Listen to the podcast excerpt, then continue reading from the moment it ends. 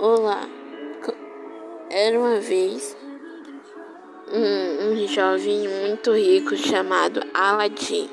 Ele vivia aqui em Salvador e ele tinha uma riqueza muito grande porque ele era muito rico. E eu quero que vocês escutem esse podcast há mil anos. Tchau, pessoal.